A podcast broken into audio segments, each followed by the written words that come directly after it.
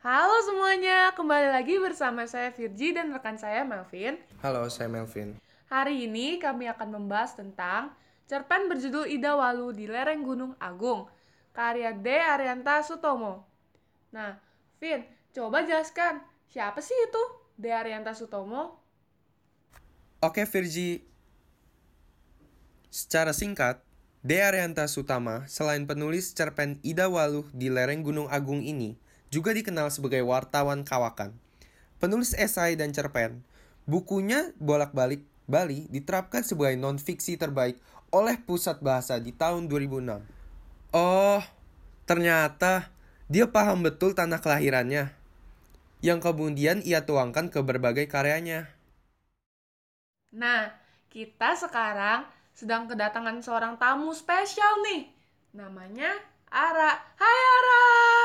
Halo juga Virgi, halo juga Melvin, halo juga pendengar sekalian. Namaku Ratu Hati Wibawa, juga biasanya dipanggil Arah. Oke, pertama nih, aku mau bilang terima kasih pada teman-temanku, teman-teman baikku Virgi dan Melvin sudah menerima aku ke podcast kalian. Iya, sama-sama. Kita juga mau terima kasih sudah dapat meluangkan waktu untuk berada di sini.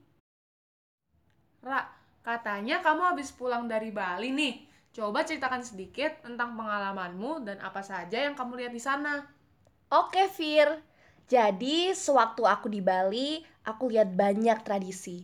Dan salah satunya adalah hari Nyepi. Terdapat juga upacara ngaben dan orang-orang yang menyembah patung. Di Bali itu ternyata tempatnya sangat unik. Di jalanan kulihat banyak patung.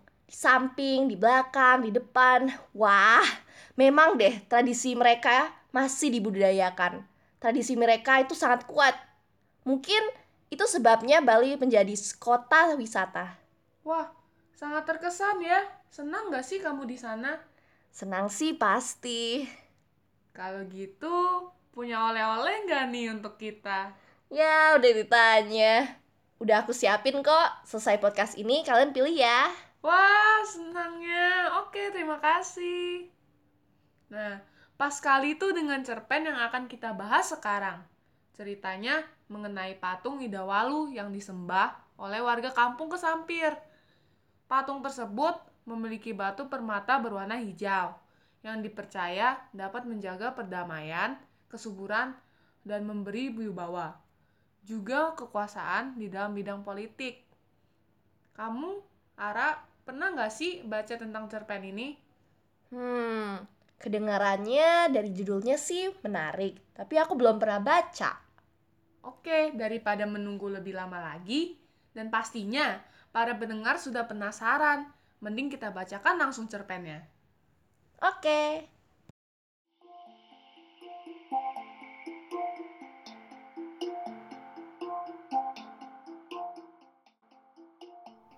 Sudah larut malam, barak pengungsi itu dipagut sepi. Mereka saling pandang ketika hendak memutuskan siapa akan menjemput Ida Walu di lereng Gunung Agung. Perjalanan kurang dari tiga jam, tapi penuh mara bahaya jika gunung yang dalam keadaan awas itu tiba-tiba meletus. Saya bersedia. Ujar seorang anak muda mengacungkan tangan tiba-tiba. Setelah sekian lama suasana bisu beku. Semua memandangnya dengan seksama. Dia tamatan Institut Teknologi Informasi, bekerja di penyedia jasa web design di Jimbaran. Ia yatim piatu. Kuliah ditanggung bibinya yang tidak menikah hidup dari menjual sembako di pasar kecamatan. Sejak warga dusunnya, desa Kesimpar, di lereng Gunung Agung mengungsi ke Swecapura, Ananta selalu bermalam bersama mereka. Saban hari, ia ulang alik Swecapura Jimbaran menempuh dua jam bermotor. Kalau begitu, saya ikut. Usul laki-laki bersarung, mengenakan kemeja endek. Biar saya sendiri saja, Pak Losen. Bapak dibutuhkan di sini menyambut kunjungan pejabat dan menemani para pembawa sumbangan untuk selfie. Tak ada yang bersedih kalau saya tak kembali. Ayah, ibu, pacar, saya tak punya. Saya cuma titip bibi. Losen, anggota DPRD Kabupaten Karangasem, mendulang banyak suara berkat bantuan para beboto judi sabung ayam. Berulang Losen menyampaikan, ia bercita-cita jadi bupati, bahkan gubernur. Karena dengan menjadi kepala daerah, ia yakin bisa mensejahterakan desa Kesimpar. Menjelang subuh, Ananta berangkat ke Kesimpar, naik motor. Para pengungsi melepasnya dengan pelukan dan tepukan bahu. Ibu-ibu terisak seperti melepas putra mereka ke medan perang dan tak akan kembali. Kakek nenek mengusap-ngusap kepalanya. Komat Kamet mengucap doa semoga ia kembali selamat utuh bersama Ida Walu. Bibinya justru tegar, memberi semangat.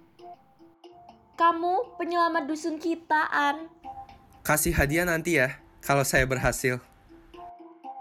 Si Bibi tersenyum, menyodok lembut dada keponakannya dengan bangga.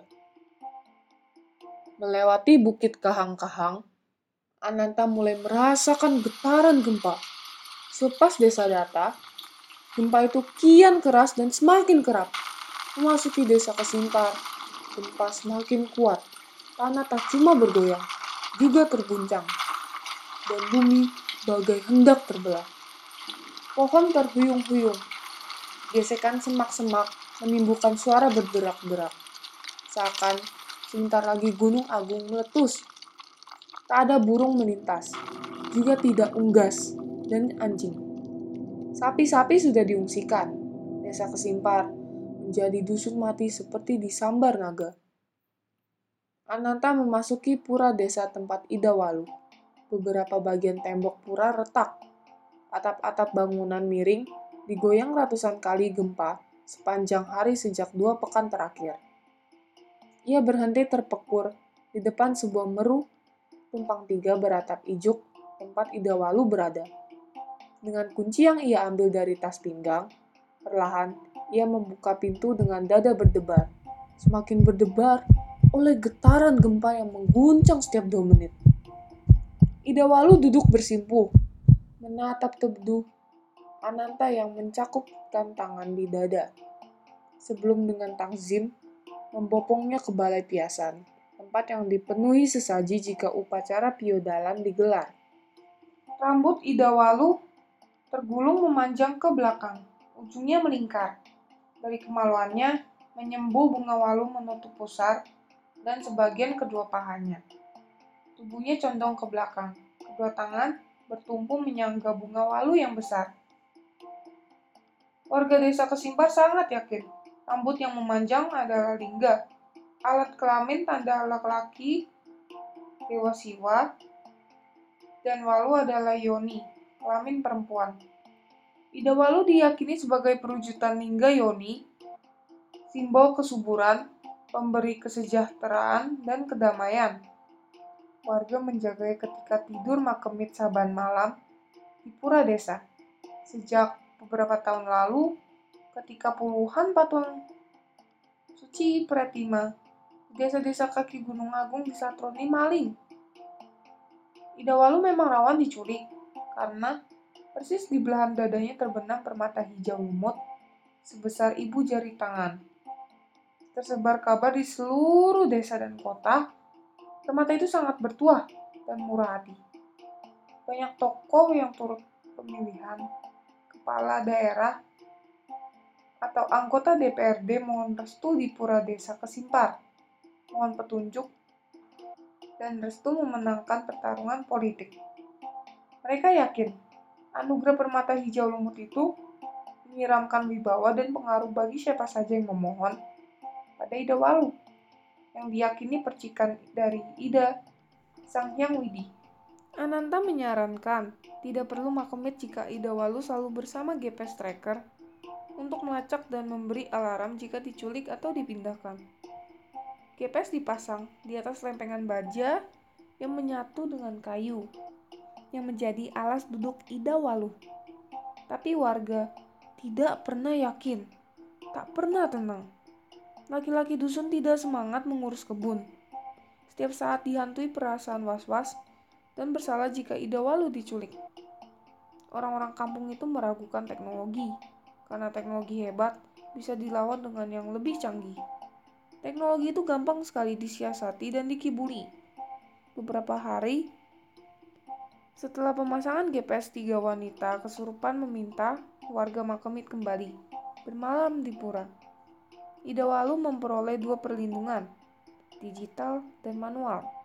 Dari tempat kosnya di Jimbaran, dengan smartphone, Ananta bisa memantau Ida Walu karena GPS tracker tetap terpasang. Kesurupan kini berulang di pengungsian, dialami enam perempuan. Selepas petang, Anak-anak menangis menjerit-jerit tanpa sebab. Para orang tua bingung, inguh, gelisah.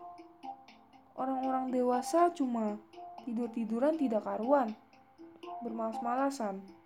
Mereka merasa tidak nyaman dan ingin segera kembali ke kesimpar, namun takut disergap lahar dan terjebak awan panas. Ketika itulah mereka sadar Ida Walu semestinya hadir untuk menjaga ketenangan dan juga kenyamanan.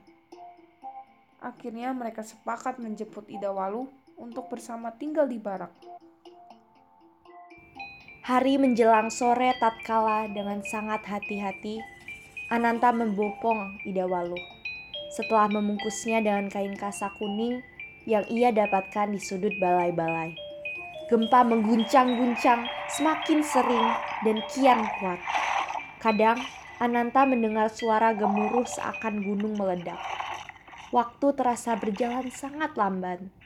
Ketika ia bergegas, jalan kaki melewati tukat geruduk yang dipenuhi batu muntahan letusan Gunung Agung tahun 1963.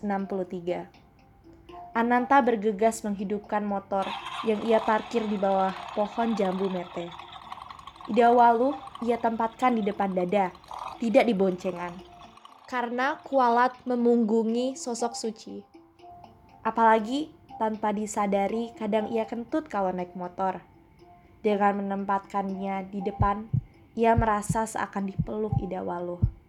Ia menjadi sangat tenang, tidak gentar akan bunyi-bunyi aneh alam sekitar karena gempa yang berulang. Para pengungsi baru menyelesaikan makan malam ketika Ananta tiba di pengungsian Swecapura. Ia disambut seperti pahlawan, dielulukan, dipeluk penuh haru, dicubit-cubit ibu-ibu. Gadis-gadis mencium pipinya dengan bangga dan penuh sukacita.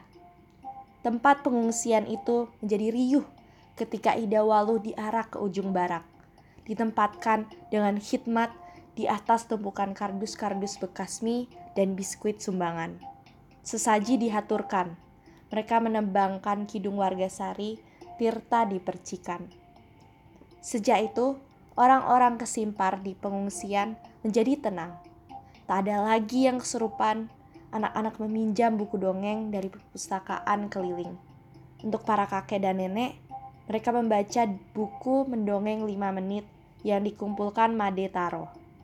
Kali ini, anak muda yang mendongeng untuk orang tua.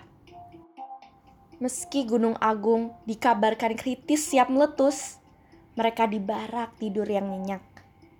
Anak-anak makan banyak, bayi menetek susu ibunya dengan lahap. Sampai suatu hari, lewat tengah malam, ponsel Ananta berdering. Ananta yang sedang duduk-duduk di barak pengungsi lain Tak harus menunggu dering ketiga, ia menyambar ponselnya. Ia kaget ketika menatap layar. Ikon Ida Waluh bergerak keluar barak. Ananta membangunkan orang-orang, mengajak mereka menatap layar selebar telapak tangan itu. Belasan orang bergegas mengikuti ikon yang bergerak semakin cepat di layar. Mereka memasuki sawah yang sedang ditumbuhi kedele mereka meloncati selokan tempat mereka mandi dan buang air di tengah sawah. Layar di ikon semakin jauh dan kian bergegas menerobos sawah. Mereka mengikuti Angananta, yang bagai menjadi komando dari sebuah pasukan tempur. Ponsel di genggamannya seperti sebuah senjata otomatis siap menyalak. Matanya tak lepas-lepas dari ponsel. Silih berganti mengikuti arah pematang di depan agar ia tidak terperosok. Ananta memberi aba-aba agar orang-orang berhenti ketika ikon di layar diam. cuma berkedip-kedip perlahan. Mereka memandang sekitar. Gelap sekali. Sawah cuma diterangi cahaya bintang. Mereka mengendap-endap menuju titik ikon Ida Waluh berhenti. Ananta memandang lurus ke arah ikon yang semakin dekat. Matanya tak lepas-lepas dari layar ponsel. Ia menatap sebuah gubuk kecil beratap alang-alang. Digitari tanaman jagung yang baru berbunga. Dengan dagunya, ia menunjuk ke gubuk itu. Dan mereka serentak bergerak. Seru! Mereka menerobos gubuk, mendapati seorang duduk di atas tempukan jerami. Gelap sekali. Dalam gubuk ketika orang itu dihujani pukulan dan tendangan bertubi-tubi. Rangan dan jeritan kesakitan kalah oleh deru hantaman dan bising gerakan lengan. Gubuk itu roboh karena tak sanggup menahan belasan orang. Atapnya berterbangan menghantam batang-batang jagung. Ketika itulah mereka menemukan Ida Waluh terduduk di sudut gubuk. Mereka secara mengambil pretima patung suci dari kayu cendanat setinggi 30 cm itu dan menjujungnya ramai-ramai ke barak. Kecuali Ananta. Tak seorang pun peduli sama pencuri itu yang tertelungkup. Dada Ananta berdegup kencang ketika ia membalik tubuh orang itu. Dan menatap wajahnya yang dikenal semua orang kesimpar. Pak Losen? Pak... Pak Losen? Ananta menggoyang-goyang tubuh lunglai itu. Losen perlahan membuka mata yang digenangi darah. Sejak lama saya ingin memiliki permata ini, An. Ujarnya sembari merogoh saku celana dan mengeluarkan permata hijau lumut yang tadi masih terancap di dada Ida Waluh yang bercahaya lembut memantulkan cahaya bintang-bintang. Ananta tak percaya ketika orang-orang membawa Ida Waluh ke barak, ia masih melihat jelas permata itu berada di tempatnya. Yang itu palsuan. Saya mencungkilnya tadi, menggantinya. Yang ini asli. Saya cuma ingin permata ini, tidak patungnya. Akan saya kembalikan patung itu setelah berhasil menguasai permata lumut ini. Agar saya bisa jadi bupati atau gubernur. Bapak yakin? Kamu kenal almarhum Pan Buyar? Semua orang kesimpar mengenalnya. Pan Buyar itu kakekku, pakar batu mulia. Ia kerap menerima berkah batu bertuah di lereng Gunung Agung. Tapi semua itu penolak bala, tidak ada buat membangun wibawa. Kakekku bilang permata lumut ini bisa membuat pemiliknya jadi pemimpin nomor satu. Losen menggenggam tangan Ananta, mencoba memindahkan permata hijau lumut itu ke genggamannya. Ananta terperanjat, menggeleng, menarik tangannya. Tubuhnya merinding. Suatu berdesing dalam dadanya. Ia menggigil. Takdir benda ini milikmu, An. Ambillah, Suara Losen melemah. rawatlah dengan baik. Kelak kamu bisa jadi bupati atau gubernur. Losen terengah-engah. Tangannya berayun lemah memasukkan permata hijau lumut itu ke saku baju Ananta. Setelah itu, ia tak bergerak. Wajahnya bengkak, tenggadah menatap langit. Sekujur badannya berdarah. Orang-orang itu meremukkan tubuhnya, mematahkan rusuk dan betisnya.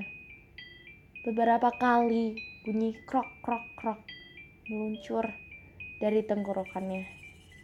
Kemudian diam. Benar-benar diam. Di barak orang-orang mengumandangkan kidung warga sari. Menyambut kembali Ida Waluh yang sempat menerobos tanaman kedele dan jagung. Kidung itu terdengar sayup ke gubuk seakan sekalian menjadi nyanyian mengantar keberangkatan Losen. Sebentar lagi, Pagi tiba. Wah, gila. Keren banget ya ceritanya. Wah, Bali banget. Nah, teman-teman, cerpen hari ini sudah selesai. Jadi, inti dari cerita ini adalah tentang budaya patung Idawalu. Teman-teman, kita tidak boleh memanfaatkan keadaan untuk keuntungan kita sendiri, seperti Palosen. Menurutmu bagaimana, Ra? Hmm, dari cerita ini aku suka banget sama Ananta. Ananta itu orangnya ternyata pemberani. Walaupun ia sedang dalam keadaan yang sulit, ia juga tetap fokus pada tujuannya. Ia berjuang dan pantang menyerah. Wow. Oke, terima kasih atas pendapatnya. Oke, sampai sini saja podcast hari ini. Sekali lagi, aku dan Melvin ingin mengucapkan terima kasih sudah meluangkan waktu untuk bisa hadir di sini ya, Ra. Iya, sekalian. Terima kasih juga para pendengar. Sampai jumpa lagi. Sampai jumpa lagi. Sampai jumpa.